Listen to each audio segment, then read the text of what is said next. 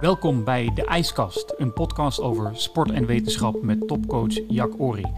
Mijn naam is Tim Zende en ik heb de eer om deze podcast in goede banen te leiden. In deze derde podcast wil ik het met jou, Jack, hebben over het belang van data. Je staat erom bekend dat je met jouw atleten heel veel testen doet. Maar al die testen leveren natuurlijk een enorme set aan data aan, die je dan ook op de juiste waarde moet schatten om er conclusies uit te kunnen trekken. En dat is misschien wel lastiger dan het doen van een test zelf. Klopt dat? Nou ja, er zit zeker een kern van waarheid in. Hè? Op een gegeven moment, uh, je kent wel uh, het, het, idee van dat je door de bomen het, het, bos niet meer kan zien. Dus als je heel veel test, ja, dan is het altijd lastig om daar zeg maar de prestatiebepalende factoren echt uit te halen. Je kan zoveel testen, je kan allerlei soorten bloedwaarden testen, je, je kan allerlei conditionele aspecten testen. Maar het is natuurlijk uh, sowieso al. Uh, en dan komt natuurlijk allemaal data uitrollen, natuurlijk. En, uh, en als je dat maar heel vaak doet, dan heb je een hele berg data.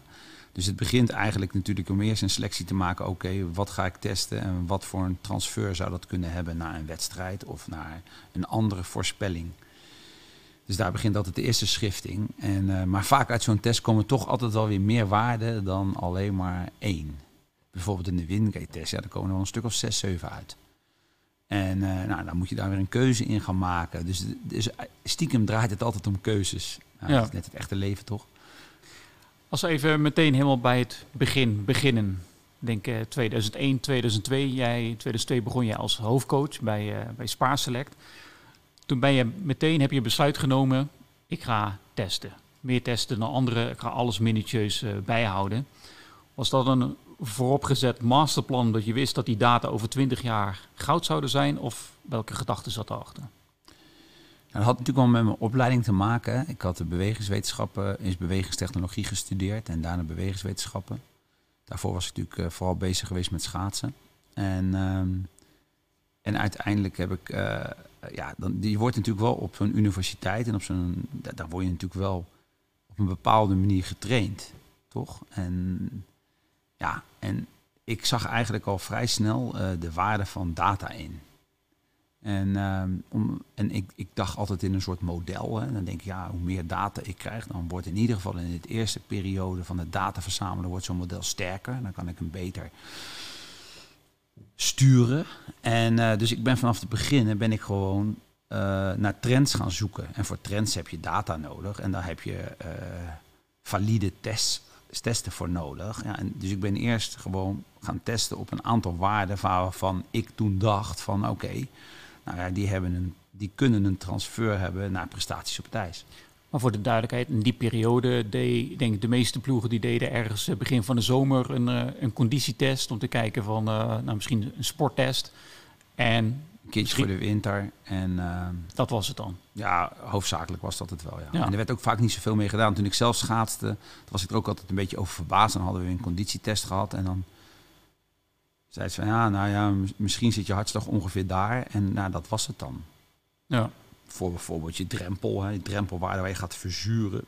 Dan kreeg je daar een, een datum, of, of een, um, een datum niet op een bepaalde datum kreeg je dan een bepaalde waarde daarvan mee. Ja, en dat bleef dan gewoon zo. Ja, en dan dat verloopt natuurlijk, want als je conditie beter wordt of slechter wordt, ja, dan, dan kloppen die waarden natuurlijk niet meer. Ja. En daar verbaasde ik me altijd over. En ik ben al heel snel gestart van, ik ben gewoon gaan verzamelen. Hoe vaak ging je testen in een jaar, met het eerste jaar? In het eerste jaar deed ik daar, ja, het ligt er een beetje aan welke, maar vier. Vier in een zomer. En dan in de winter nog twee. En dat was eigenlijk al heel veel voor het schaatsen toen de tijd. Ja. En hoe reageerden de schaatsers er toen op? Want die waren dat niet gewend. Gingen die meteen mee? Uh, niet allemaal. Maar ja, ik had er wel een verhaal bij, een idee bij. En hoe ik zo'n model probeerde op, te, op te bouwen. En hoe ik zeg maar uh, aan de hand van data dat wilde sturen voor een groot gedeelte. En het is me ook kwalijk genomen natuurlijk. In de beginnen. Want eerst had ik natuurlijk geen, geen ervaring. Ik kwam zo uh, uit het niks eigenlijk zo dat schaatsen in.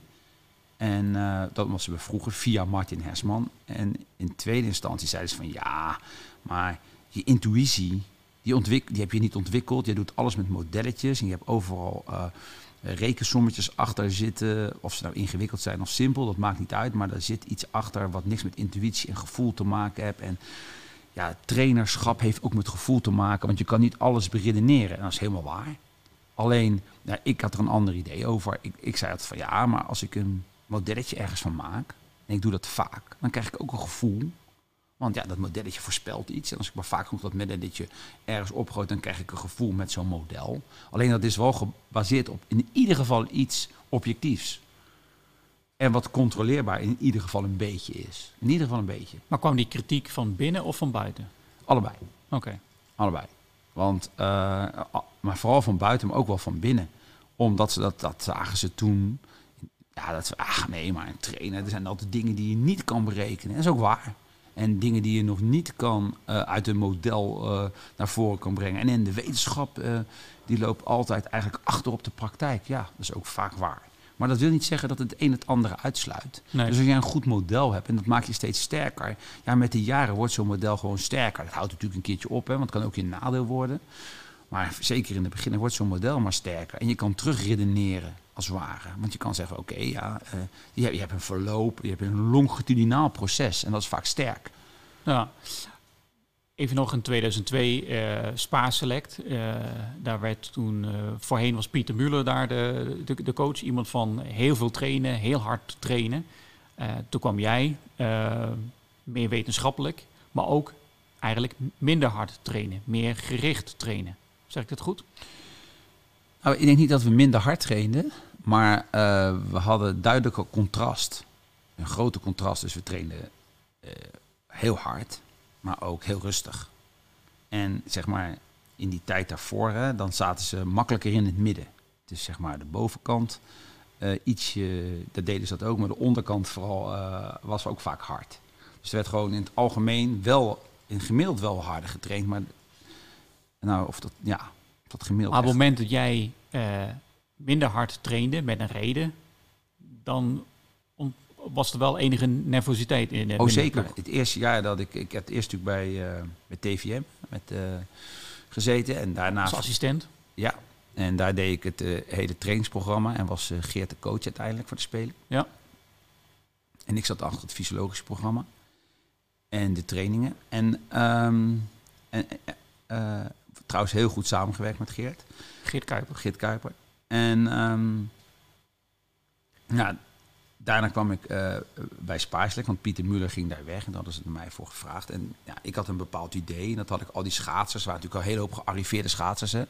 De Johnny Rommers van deze wereld, ja, dat zijn Olympisch kampioenen, Erwin Wennemars, noem ze allemaal maar op. Marianne Timmer. Marianne Timmer, uh, Annemarie Thomas. Ja, en ik weet nog wel goed, hè, we gingen toen altijd, want er was geen zomerijs, dan gingen we lange periodes naar Calgary toe. Uh, omdat daar wel zomerijs was. En nou ja, op een gegeven ogenblik vonden ze. Ja, toen moest ik ineens komen, vergeet het nooit meer. Bij we sliepen daar bij de universiteit, daar vlak achter de ijsbaan. En ja, Jacco, we willen even met je praten. En ja, toen hadden ze grote zorgen, wat ik ook heel goed kan begrijpen. Maar even, waar is de setting? In het hotel, je werd naar een kamer geroepen of naar een andere ruimte? Ik werd naar, vanaf onze appartementen, zaten ze in een ander appartement allemaal te wachten. En daar werd ik naar binnen geroepen, zo out of the blue. Dus er werd zeker goed over gesproken en dat is allemaal niet erg. En ja, toen kreeg ik daarvan, ja Jack, maar we maken ons grote zorgen, want we trainen niet hard genoeg. En toen zei ik van, nou ja, ik heb er een ander idee over. Dat heb ik jullie wel uitgelegd. En uh, een heel verhaal. En, maar ik kreeg ze, dat was best wel een proces, zeg maar. Ja. En, maar dat vond ik wel een uitdaging. En omdat we deden het gewoon anders. Dat was wat het was. Maar ik, ik, ken ook het verhaal dat in die zomer, nou ja, de zomer gaat voorbij, de enkele afstanden komen eraan. Twee weken voor de enkele afstanden zie jij ze schaatsen. Nee, dat klopt. En dan denk jij? Nou ja, ik vergeet nog, ik, we waren toen in Erfurt. En nou, ik vond ze nog niet zo heel goed rijden, eerlijk gezegd. En ik weet nog wel goed dat mijn moeder belde me op. En die zei van, en hoe gaat het? Gewoon even zo'n praatje, weet je wel. dat doen moeders toch? En hoe gaat het? Is het allemaal leuk? Zei, nou ja, het is wel leuk. Maar... Ehm, ik ben er nog niet zo zeker van. Want ik vond ze eigenlijk nog steeds niet zo goed schaatsen. En uh, toen heb ik nog maar een keer de grap gemaakt. Zeg, als het een beetje tegen zit, dan uh, ga ik toch maar iets, uh, iets anders doen in december. ik weet niet of ik op deze manier december haal, zeg maar. Ja. En nou ja, dan heb ik het in ieder geval geprobeerd. En heb ik mijn best gedaan. Nou, mijn moeder zei, ah, dat zal natuurlijk wel meevallen. Dat geloof ik allemaal niet. Dat doen moeders, hè. Ja. En ook hartstikke goed. En ehm, nou, nou ja, vervolgens uh, gingen we terug uit Erfurt. En ik was er nog allemaal niet zo zeker van, als ik heel eerlijk moest zijn hoor. En we kregen toen het enkele afstanden in Utrecht. En een week van tevoren dacht ik bij mezelf. ik zag wel, Erben die begon wel lekker te rijden. Maar ik vond het toch nog een hele hoop dat ik bij mezelf denk van oeps, dit gaat nog wat worden. Maar tot drie dagen van tevoren, toen deden we nog van die wedstrijdsimulatietjes. En toen dacht ik bij mezelf, nou, het gaat nou toch wel leuk vooruit. ja. En gelukkig uh, reden we hartstikke goed op het NK uh, afstanden. En uh, ja, wonnen veel gewonnen. Heel veel gewonnen. Dus gelukkig liep dat stukje heel goed af. en vanaf dat moment werd het ook makkelijker om mensen voor jouw aanpak te winnen eigenlijk. Omdat het...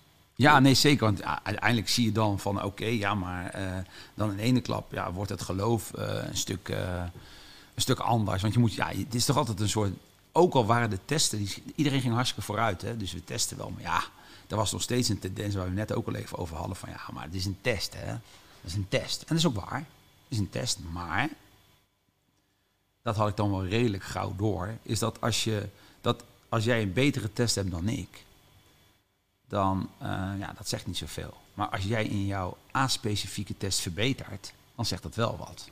Wat is een A-specifieke nou test? Ja, een fietstest is bijvoorbeeld A-specifiek voor schaatsen. Want ja, schaatsen is niet hetzelfde als fietsen. Ja. Maar het heeft wel wat te maken met hoeveel vermogen of wat voor manier jij je vermogen gebruikt. En uh, nou ja, als jij je daarin verbetert, ja, zie je daar een soort schaduw van terug op het ijs.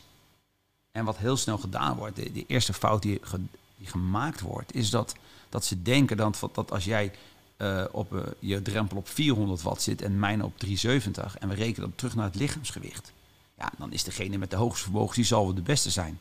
Nou, daar gaat het eigenlijk niet zo om. Maar het gaat er vooral om hoe jij in jou, in jou, in, in, in jouzelf verbetert. En dat meet je gewoon terug in een A-specifieke test. Wat we ook al in de vorige podcast hebben besproken, het gaat niet om het niveau op dat moment, maar de, de ontwikkeling. De groei. Ja. En het, Precies, en, en, en die groei is ontzettend belangrijk. En vaak wordt die, een A-specifieke test gebruikt alsof dat een, een één op één relatie heeft met schaatsen. Maar dat heeft hij natuurlijk niet. Maar het kan wel een voorspellende waarde hebben. Nee, ontzettende voorspellende waarde, vooral binnen jezelf. En als je dan daar de groep van neemt, ja, dan voorspelt hij hartstikke goed. Ja, over die voorspellende waarde, daar komen we straks nog even op terug. Um, je gaat elk jaar ga je eigenlijk ook meer testen doen. er komen ook de mogelijkheden toe. Uh, ik weet dat je op dit moment zelfs ook uh, overal neem je testfietsen mee naar trainingskampen, naar wedstrijden. Zelfs op de Olympische Spelen staat een testfiets. Je doet nog andere testen. Maar hoe meer waarde je krijgt, hoe ook lastiger het is om uit die brei van cijfers de juiste data te halen. Hoe, hoe doe je dat? Jij gooit ook heel veel data weg. Met een Wingate, je krijgt een hele rits aan data. En er zijn maar een aantal waar je zegt van die, eh, daar kijk ik echt naar, naar de ontwikkeling. En de rest is bijvangst waar ik me niet op moet gaan focussen. Want dan gaat het mis. Ja, zeker. Je hebt, je hebt gewoon een aantal factoren die, die... Ja, dat hebben we gewoon met statistiek gedaan. Dan zie je van, oké, ja, nou die, die vertelt wat over uh, je, je, je, opening. Of die waarde vertelt wat over je 1500 meter. En die waardes, die hebben een... die, die, ja, die, weerspiegelen iets. Maar sommige waarden, ja, daar kunnen we niks bij vinden. Die hebben gewoon geen, geen enkele associatie met iets wat, tenminste zoals we er nu naar kijken, misschien over vijf jaar heb ik dat verkeerd bekeken. Dan zeg je, ja, die had wel een associatie. Als je er zo en zo uit een ander perspectief naar gekeken had. En, uh, want het blijft natuurlijk altijd contextgevoelig, zeg ik altijd. Want ja, je meet in een bepaalde manier, je traint in een bepaalde manier. En dan krijg je er ook altijd wat uit wat er bij die manier hoort. Dus je moet altijd op, oppassen. Dus soms rekenen we ook nog wel eens terug naar de waarden die we weggegooid hebben. Maar is dat ervaring? Dat je weet van nou, dit... proberen. Proberen. Ja, gewoon proberen. Gewoon kijken van oké, gewoon uh, ja, modelletjes maken en dan uh, kijken of daar, uh, of er mogelijke relaties bestaan. Het klinkt heel simpel, modelletjes maken en kijken en uitproberen, maar je zit volgens mij gigantisch veel werk in. Ja. En dat natuurlijk van de afgelopen twintig jaar, ja, dit, is niet, dit, dit, dit doe je niet zomaar. Nee, dat klopt. Ik ben eigenlijk altijd vroeg wakker. Hè? Dus op trainingskamp, ik ben altijd vroeg. Dus ik, ja, het zit toch ook een beetje in onze familie. Hè? Niemand kan uitslapen. We kunnen wel s'avonds een beetje echt sukkelen op een bank of zo bij een film. Maar eh, ja, mijn broers en mijn zus, mijn vader, zijn allemaal vroeg wakker. Dus ik ben altijd vroeg wakker. Ja, wat moet ik dan doen in een hotelkamer? Nou, dan gaat die laptop open. Rekenen. En dan gaan we maar weer eens wat verzinnen. Ja. ja, het is altijd wel gericht hoor. Misschien verbagatelliseer ik het een beetje, maar dan, ja, En ik heb ook met anderen in mijn team, ja, hebben daar natuurlijk over gesproken. Ik heb ook mensen met buiten het team waar ik mee spar. En eh, ja, dat is ontzettend. En ik vind het ook ontzettend leuk om te doen. Dat zoeken naar eh, vernieuwingen. En uh, het is voor mij helemaal geen belasting om er veel tijd in te stoppen. Wel mijn vrouw, die zegt dan, je bent obsessief. Dat heb ik eens een paar keer eerder van genoemd. Die zeggen, ja, maar... En dat is ook eigenlijk de enige waar ik echt naar luister dan ja, nou, nou maar even stoppen. En ja, dat is wel goed. Ja. Nee, ik bedoel, ik uh, ben natuurlijk de afgelopen jaar wel geregeld bij jou thuis uh, gekomen. En dan was er gewoon altijd één plek waar je was. De keuken, achter de computer. En dan staren en, en uh, dingen uitzoeken, uitproberen. Ja. Ja. Dat, dat, dat onderschatten mensen nog wel eens, denk ik, van, van hoeveel tijd erin zit. En, en dat het achteraf misschien heel makkelijk is om te zeggen van ja, je moet deze twee data gebruiken. Maar daar zit een, een enorme bak en werk in. Nou ja, als je, ja ik, ik, ik, ik, begin er niet aan hoeveel uren erin zitten. Maar ja, het is wat ik zei, het is voor mij geen belasting. Ik vind het gewoon heel leuk en uh, motiverend om, uh, om, om, om, om proberen iets te zoeken wat dan mogelijk anderen niet gedaan hebben. Ja, misschien hebben ze dat wel, maar mogelijk is dat natuurlijk. En dat je dan zoekt in, ja, denk, ja dat vind ik een hele erg grote uitdaging wat mogelijk mensen niet eerder gedaan hebben, dan moet ik ook denken wat je recent bent gestart, ehm, een big data project met de, de Leidse Universiteit. Want na twintig jaar heb je zoveel data. Uh, wat, wat is daar de achterliggende gedachte achter? Nou, dat ik zoveel data heb bij elkaar heb gekregen, dat ik daar, ik, ik, ik pik daar stukken uit. Maar je weet gewoon tegenwoordig met big data, en dat zijn gewoon met data mining technieken, ja, vind je soms relaties, of mogelijke relaties moet je eigenlijk zeggen, ja, die kan je amper verzinnen. Omdat dat gewoon soms te ver weg zit. Maar als je maar heel veel data hebt, en dan, dan, dan eigenlijk is die data mining is eigenlijk um, meer hypothese vormend. Dus je, je krijgt er allemaal potentiële mogelijkheden uit. Maar die moet je dan nog wat, die moet je dan nog wat toetsen. Ja. En dit kan, en nogmaals, dit kan alleen omdat je A, zoveel data hebt van testen, maar ook trainingen. Hè, dus, de, dus hoe de trainingen zijn opgebouwd, wordt allemaal in een computer gestopt, uh, gekwantificeerd gevalideerd. Dus wij doen eigenlijk al onze testen echt helemaal volledig gevalideerd, zoals je dat in een onderzoek zou doen. Dat hebben we vanaf het begin gedaan. Dus wij eiken onze fietsen. De gassen worden geëikt die we gebruiken bij de ademanalyse. We hebben vaste protocollen. En als we het protocol veranderen, dan, gaan we, dan stoppen we met een bepaald protocol. En dan gaan we zoveel jaren verder met een ander protocol. Dus we proberen dat echt op, met, met zeg maar de, de, de, de wetenschappelijke gereedschapkist proberen we dat te doen. Alles wat we hebben. Want dat dus- moet je ook realiseren. Uh, als er ergens één foutje in zit, ja, dat, dat kan een heel uh, protocol. Je kan allerlei verkeerde uh, conclusies gaan trekken. op het moment dat er ergens één foutje in is. Ja, ja, nee, zeker. De, we doen al die testen met Nico Hofman. Hè, van, die, die is ook een bewegingswetenschapper. Daar werk ik natuurlijk jaren ook mee samen. En, en die doet al die testen. En ik denk niet dat er iemand is. Ik ken niemand anders die. Um, zo goed testen af kan nemen. En die zo, die, die, dat is ook bijna een obsessie van hem.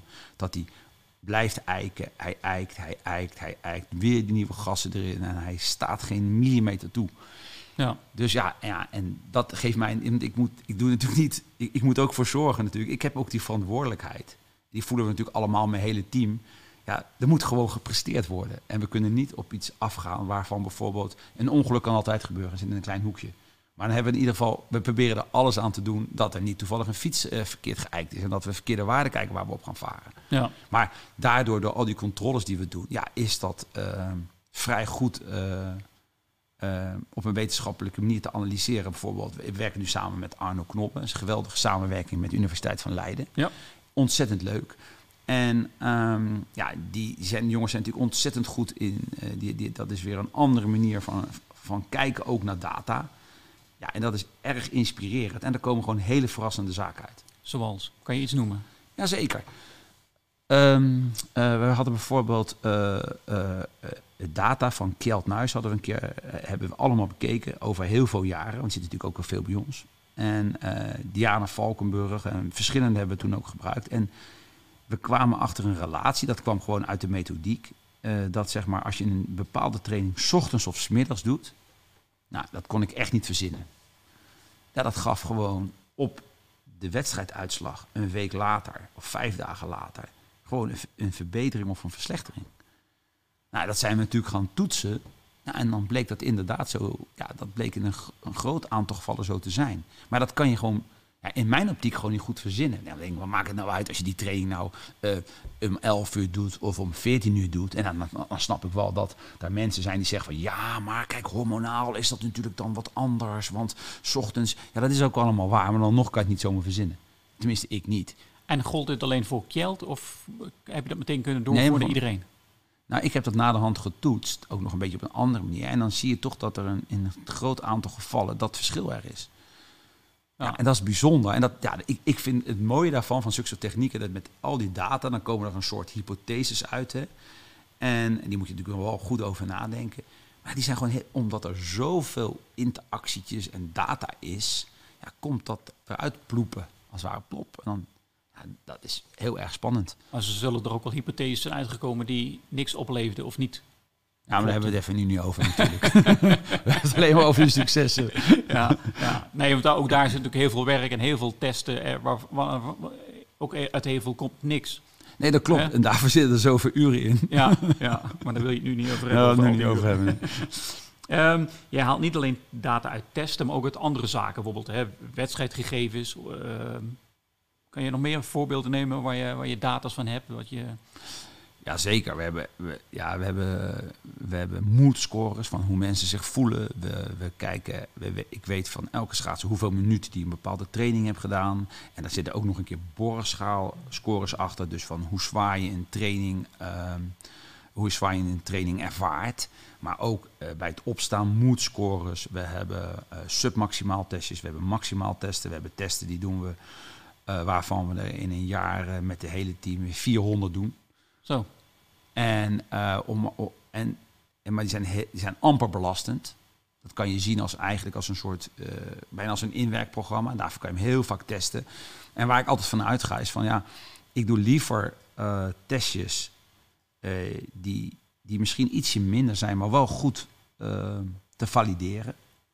Om maar gewoon een trend te kijken. Ik heb het idee, hè, dat is wat ik geloof, dat die trends, die zijn gewoon veel belangrijker dan die ene waarde die dan een goede...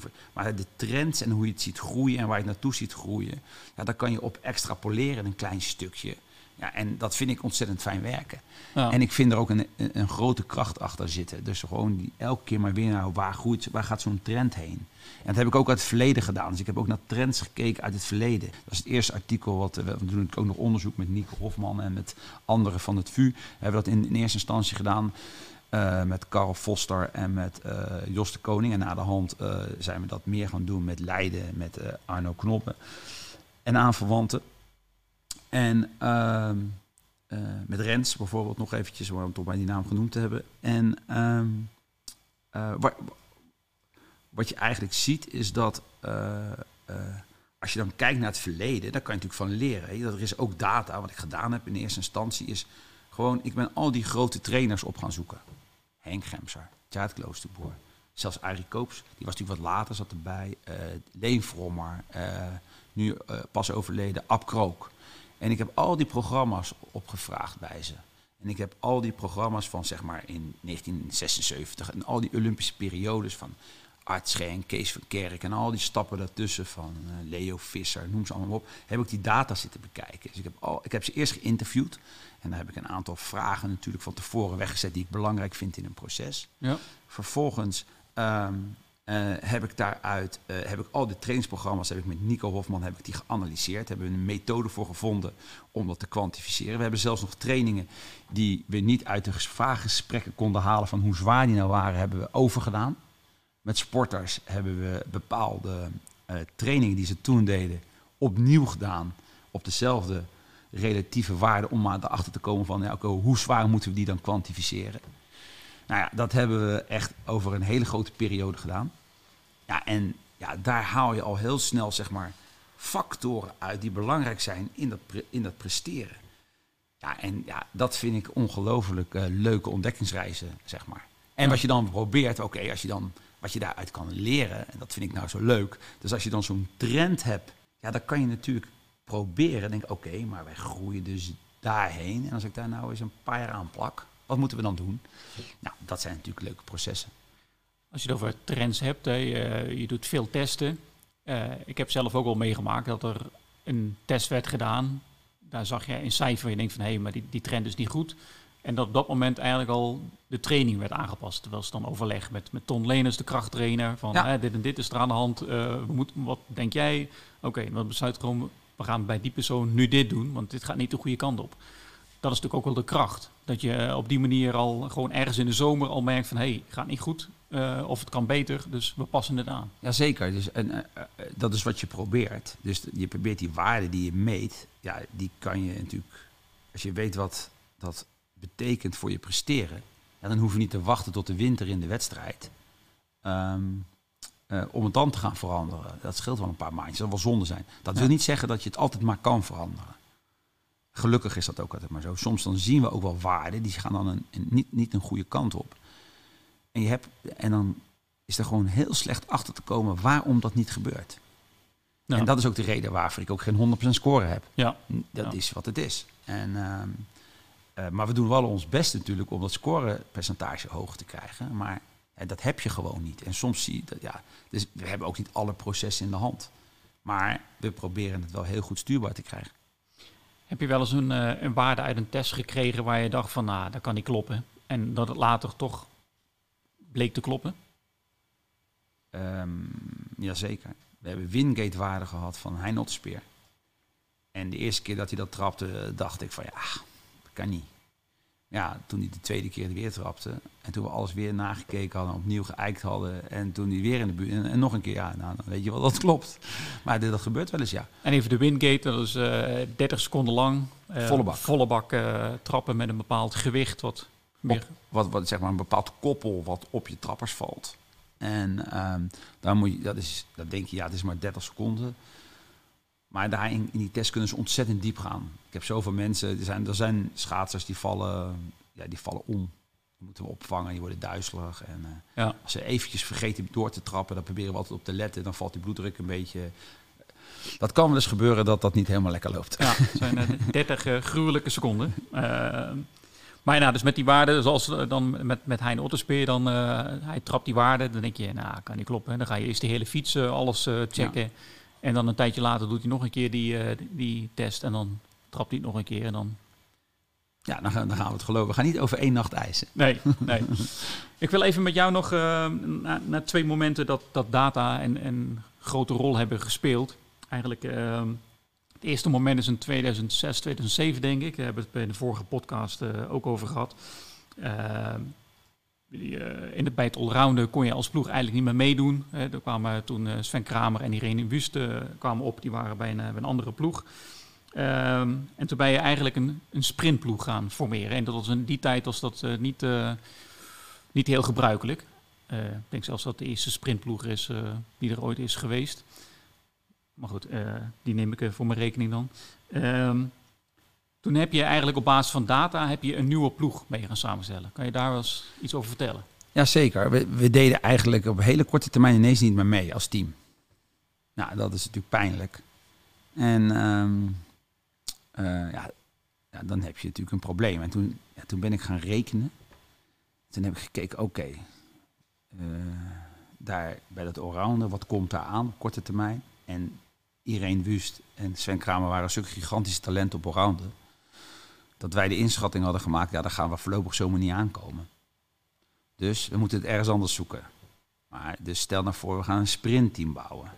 Toen had je de, de middenafstanden, 1000, 1500 en ook daar in de WK sprint in meenemen. En uh, daar had je Danny Morrison en je had um, Davis. Dat waren die mannen reden iedereen naar huis. Ja. Maar er was wel talent in dat midden- en dat ondergebied. Dus toen kwam ik, kwam ik tot het idee, en ook nog in samenwerking met uh, Toon Gerbrands, en die stond er ook uh, volledig achter. Toon Gerbrands was toen de, de, directeur van de schaatsploeg eigenlijk. Hè? Ja, precies. Ja. Die werkte natuurlijk bij DSB. Ja. En uh, toen, toen kwamen we tot het idee van, ja, maar als we nou eens alles focussen op alleen maar een sprintteam zodat we daar kwaliteit kunnen genereren en dat je daar een team kan organiseren waarbij, uh, ja, waar, waarbij ze elkaar ontzettend goed kunnen ondersteunen als het ware in snelheid. Nou, dat, uh, en, en de gedachte was erachter, de gedachte was erachter dat um, ja, we moeten gewoon ergens scoren. Ja. dat is wat we moeten doen. Ja. Nou, at the end um, heb ik gerekend aan Shani Davis en aan Danny Morrison. En die gasten trainen in eerste instantie nog met elkaar. En na de hand uh, begon Sunny Davis meer te winnen. En toen uh, werd het een beetje een probleem in Canada. Toen moesten ze allebei apart gaan trainen. Ja, maar in die tijd trainen ze samen in Calgary. In, Kaam, in Calgary. En ze hadden, die reden ons echt gewoon op anderhalf seconde op een 1500 meter. We konden gewoon niet meer mee. Niemand kon mee met die gasten. En duizend meters deden ze het al nog even dunnetjes over. En toen, nou, toen ben ik gaan rekenen. En toen dacht ik bij mezelf, oké. maar wat, wat, wat moeten zij nou kunnen? Wat moeten zij nou trainen om zoveel beter te worden dan wij? Daar moet wat achter zitten. En toen kwam ik op het idee dat er een bepaalde trainingsvorm is. Ehm, eh, die, ze, die ze in ieder geval zouden moeten doen in een bepaald volume. En ik kwam toen uit op een volume van 2 kilometer lang. Dat ze dat met z'n tweede zouden doen. En dat konden zij met z'n tweeën op een niveau doen in Calgary op een snelle baan waar wij niet aan konden komen. Zij reden twee kilometer achter elkaar of los? Nou, achter In, in intervalvormen. Maar dat konden ze en op een bepaalde snelheid. En in een bepaalde snelheid waar wij niet aan konden komen, omdat wij ja, langzamer ijs hebben in Nederland. Nou, toen ging, uh, toen ging ik verder rekenen. En ik, ja, oké, maar als ik nou eens vier mensen neem. En dat wissel ik aan, anders af, dan kunnen wij misschien die tijden wel bijna gaan benaderen op een laaglandbaan, omdat wij het met z'n vieren kunnen doen. Ja, de ene doet het ene keer de kopwerk, de andere keer de ander. Andere kopwerk. Dus stel nou eens voor, stel nou eens voor dat, ehm, en dan kan ik het ook dubbel zoveel doen. Dat was gewoon mijn insteek. Ik ga het gewoon twee keer zoveel doen. Wat? Ik deed, dus ik had uitgerekend van wat voor snelheden we moeten zouden gaan schaatsen. En uh, toen kwam ik uit dat we dat uh, vijf kilometer lang moesten doen. Terwijl zij het twee kilometer. Ja, ik denk, nou, we moeten gaan winnen, moeten ook nog wat inhalen. En dat was vrij ambitieus. Maar toen heb je eerst heb je daarvoor schaatsers bij elkaar Precies, dus toen dacht ik bij mezelf, oké, nou welke schaatsers moet je dan bij elkaar halen? Nou, uiteindelijk kwamen we uit, we hadden uh, Mark Duit, dat Simon Kuipers, Steven Groothuis moest erbij gekomen, want dat was ook een man die daar precies in zat. En toen Sjoerd de Vries er nog bij. Ja. Dat waren de eerste vier.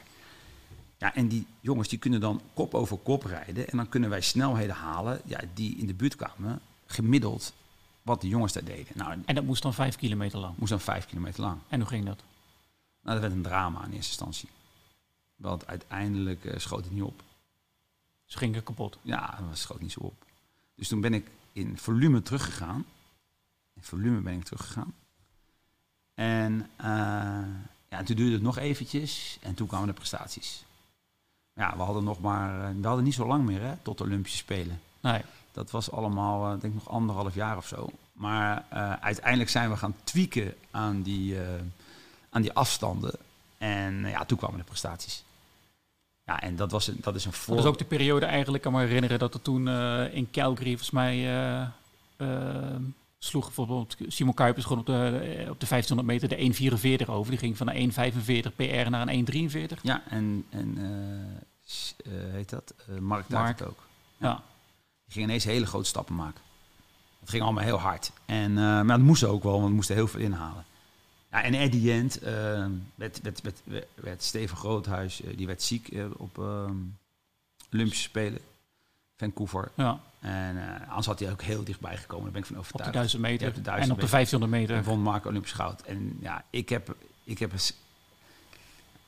ik geloof dat dat proces daar aan de grondslag lag. Ja. En dat was een proces van gewoon eigenlijk op basis van data, data rekenen, en, uh, ja, ja, en dan uh, proberen toe te slaan. Zo'nzelfde, nou, dus niet eenzelfde voorbeeld, maar een ander voorbeeld op uh, data. 2017, volgens mij, ehm, word jij ergens in maart gebeld door, ja, het was in 2017, door een klein achtereten. Je had je ploeg nog niet helemaal rond. En die kwam met de vraag van, goh, zou ik misschien bij jullie kunnen trainen? Ja, natuurlijk heel vlak voor de Spelen. En, uh, ja, dat is het, uh, je ging het Olympisch jaar in 17, Olympisch jaar, ja. Dus wel een hele korte tijd. En uh, ja, ik zei ook tegen ze, ja, eigenlijk zat je niet zo in mijn scope. Hè. Het was niet zo, de, ik wou eigenlijk die kant niet op. Uh, Zij is drie, vijf kilometer ja, specialist eigenlijk. En ik zat meer, zeg maar, naar wat meer naar het middengebied te zoeken. En, en, te, en, en te kijken wat we daar zou, nog zouden kunnen doen. En ehm, hadden natuurlijk een heel succesvol weken afstanden daarvoor gehad. Natuurlijk met uh, bij de mannen, bij zes, de mannen zes keer goud. Zes keer goud. En ehm, ja, dus ik, ik, was eigenlijk niet, ik was wel op zoek naar dames, maar zij belt me op en ze zegt van ja, maar ik wil toch met je praten. Nou, dat vond ik sowieso leuk. Ik zeg ja, maar uh, ik heb één probleem. Uh, ik denk dat ik wel het niveau elke keer heb, maar ik, met periodisering lukt dat niet en dan ben ik nooit op tijd in vorm en ik weet dat ik met de beste mee kan. En nou, dat zei ze ongeveer. Ja, maar ik zeg, ik weet niet zo goed. Uh, het, was, het zat eigenlijk niet in mijn scope. Het was niet eigenlijk wat de bedoeling was. Dan nou, weet je wat? Het triggerde me toch ergens. Ja, laten we eerst een keer testen. Dan kan ik kijken of, of er een goede samenwerking of, of, of ja. allebei dezelfde ideeën hebben en zo. En dat deed jij eigenlijk met in je achterhoofd, want jij had in die tijd voor jezelf een bepaalde matrix ontwikkeld. Van, daar stop je allemaal ja. cijfers in van, van atleten en daarmee kan je, nou ja, vertel zo, bepaalde nee. conclusies uh, Ja, nou, wat, wat, wat, ik maak, ik maak matrices over, uh, en daar ga ik, gooi ik van allerlei waarden in, hè, ook wedstrijdgegevens. En uh, op basis van die gegevens um, ja, zie ik dat als jij een bepaalde level slaagt, dan heb je bijvoorbeeld kans van een bepaald percentage om bij de eerste drie van de wereld te horen. Of, of niet, of wel, of dat je hem kan gaan winnen. Dan wil ik niet zeggen dat je hem gaat winnen, maar dan is er in mijn model is er een kans op dat je gaat winnen. En uh, toen had ik al die waarden voor haar ingevuld en ik had ook die, die, uh, de wedstrijdprestatie ingevuld. En toen dacht ik, potverdikkie als ik naar de 5 kilometer en de 3 kilometer kijk, dan heeft zij maar een paar procent nodig. Want je hebt een index, 100% is uiteraard het maximum. Uh, maar dan geef je aan, kom je boven de 90%. Procent van die index, ga je, van die index ga je meedoen en kom je boven de 95%, kan je hem winnen. Ja. Dat is wel eigenlijk wat eruit komt. Ja. En toen ging je eigenlijk met een soort van lichte tegenzin de gegevens van uh, Carlijn Achterreek erin uh, ja, zetten precies. van... Carlijn kwam uit op 94,6 en toen heb je ook nog gesproken met Yvonne Nauta en die zat op 92. Die zat op 92, ja, dat klopt. Ik weet dat, maar... Maar toen dacht jij, klopt niet. Of wat dacht je? Nee, ik denk van, nou ja, ik denk potverdikkie, dat is dan wel eigenlijk heel goed. En dat had ik eigenlijk vanaf de buitenkant. Ja, uh, want ja, ze, ja, ze had uh, niet heel veel gewonnen. Ze had nee. een paar keer goed klassering op het weken afstand, maar ze had niet zo heel veel gewonnen. En toen, uh, toen zei ik tegen jou, Tim, was jij toen zei ik van, ja, ik doe nou wel zo lekker stoer met mijn modelletjes. En nou komt er uit een model, als ik die een klein beetje kan verbeteren op een bepaald facet, dan komt ze boven de 95% uit. En dan kan ze gaan winnen. Ik ja, als ik dan zo stoer ben, moet ik het eigenlijk gewoon doen. Ja. Toen ging jij natuurlijk, nee Jak, dat moet je niet doen. grapje, grapje. Maar ja, en uiteindelijk dacht ik van, ja, oké, ja, als ik, als ik A zeg, moet ik ook B zeggen. Ik ga het gewoon doen. Dus dan heb je eigenlijk puur op jouw eigen gebouwde matrix en op basis van data heb jij Carlijn Achtereten ja, aangetrokken. ja, dat, dat, is dubbel zo spannend. Hè? Want uh, ja, dan uh, kan je jezelf natuurlijk knoerhard afrekenen. En sowieso blijft het een kans. Hè? Ik ga niet zeggen dat dat, uh, ja. maar het blijft een kans. Hè? En, en dat zal zeker ook toeval een rol gespeeld hebben. Maar at the end, at the end kreeg ze heel veel tegenslagen. Want ze kreeg een paar problemen. Ze kreeg natuurlijk last van haar darmen en zo. Maar uh, daar kwamen we ook doorheen. Maar the end, OKT en Olympisch kampioen. Ja, dat is natuurlijk wel leuk. Ja. En uh, dus ja, dat is natuurlijk altijd wel een, uh, een soort van bewijs dat je in de goede richting zit. Ja. Nou, dat maakt natuurlijk het, het hele verhaal erg leuk. En zeker ook als trainer. En je moet wel altijd oppassen dat je er altijd haken en ogen, dat er altijd haken en ogen aan zo'n model zitten. Maar hoe je het went of keert, um, het, mo het, model uh, heeft daar niet uh, gelogen. En dat model gebruik je nu nog steeds? Zeker. Ja. En ik probeer die weer wat sterker te maken. En uh, moet je alleen maar oppassen, heb ik altijd idee. Dan kan je beter een ander model op starten. Hoe bedoel je dat? Nou ja, je zit altijd een keer met, met, met het zijn natuurlijk altijd sterk versimpelde weergaves van de werkelijkheid. En um, op het moment dat je te veel uit een model wil halen, dat, dat, dan, ja, dan ga je natuurlijk een keer fouten maken. En op een gegeven moment zit je in de wet van de verminderde meeropbrengst. Hè. Dan kan je weer heel veel effort in zo'n model verbeteren zetten.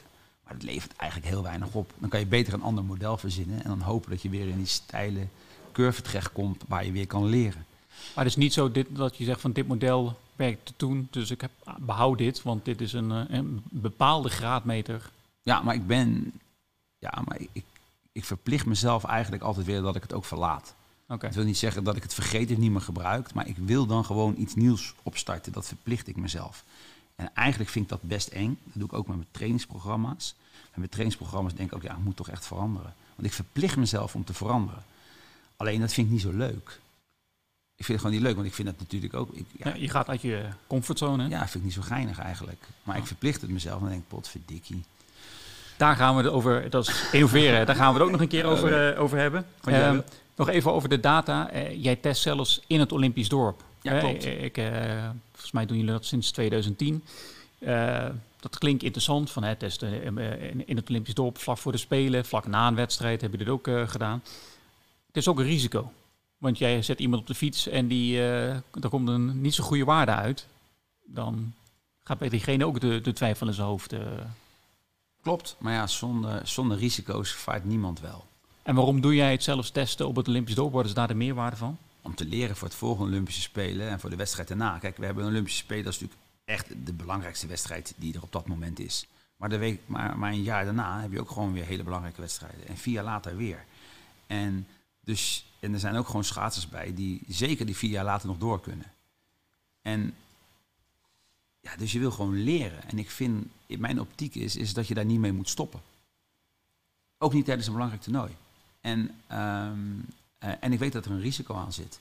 Als je een slechte test hebt, ja, dan kan dat betekenen dat ehm, eh, ja, mensen daar in een ja, mentaal eh, wat minder mee om kunnen gaan. Dat, dat klopt. Maar ja, we doen het altijd. Dus ze weten ook de beperkingen van testen. Die er zijn ook wel een beperking aan het testen. Het is niet zo dat Eén slechte test hoeft nog niet te wel, zijn nee, dat je slecht zwaluw maakt ook geen zomaar. Dus ik zeg altijd, het gaat om een trend. Ja. En we zien waar de trend heen groeit. Maar dat hebben we zeker gedaan. En eh, de eerste keer dat we dat deden was in Vancouver. En toen eh, hebben we eh, door het, hele proces heen getest. En, ehm, en Mark Duitart, die, die werd toen Olympisch kampioen. Die hebben we natuurlijk ook nog twee dagen na de hand weer op de fiets gezet.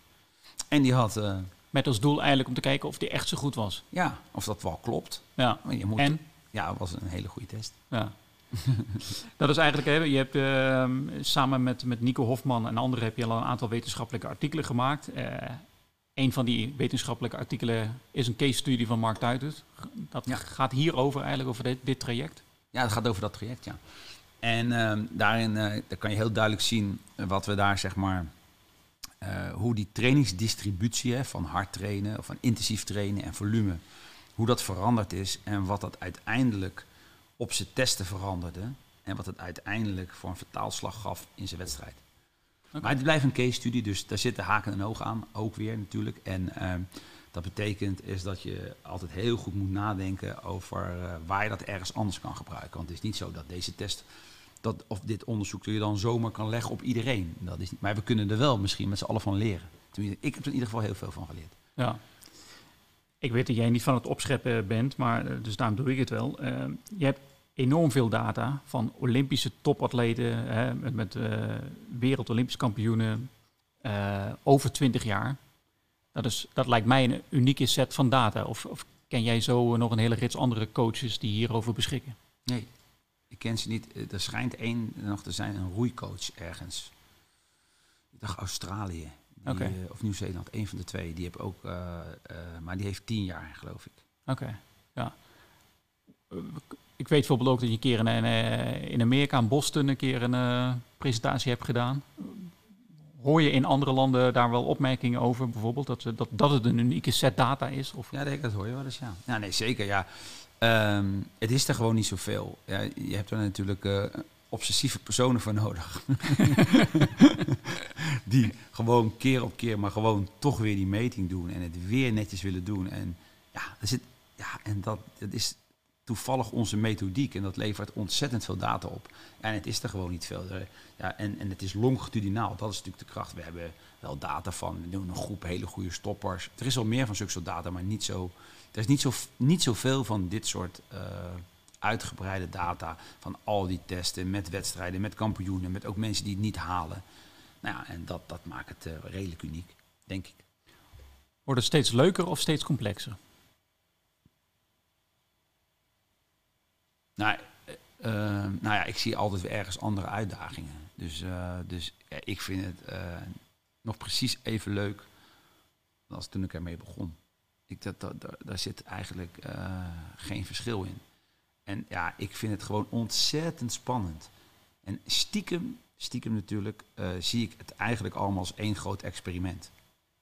Ik weet wel waar ik moet stoppen natuurlijk. Dat het moet gerechtvaardigd zijn. Het moet die topsporter is natuurlijk het allerbelangrijkste wat er is. Die sporter die staat centraal. Maar toch zie ik het als één groot experiment. En dat maakt het voor mij uh, ontzettend spannend om, om te zoeken of te gaan waar nog nooit iemand gegaan is. Ik, ik, ik, wil heel graag wil ik dingen doen die misschien anderen niet durven of misschien anderen niet willen. Binnen natuurlijk gewoon alle keurig binnen de regels natuurlijk, die voor sport zijn. Maar ja, dat, dat vind ik gewoon een geweldige uitdaging en daar put ik ontzettend veel energie uit. Helder. Hiermee uh, zijn we aan het einde gekomen van alweer onze derde ijskast. Een podcast over sport en wetenschap. Dank voor het luisteren en tot de volgende ijskast. En dan mag ik zeker de deur weer dicht doen. Wil je alsjeblieft dat doen? Ja, doe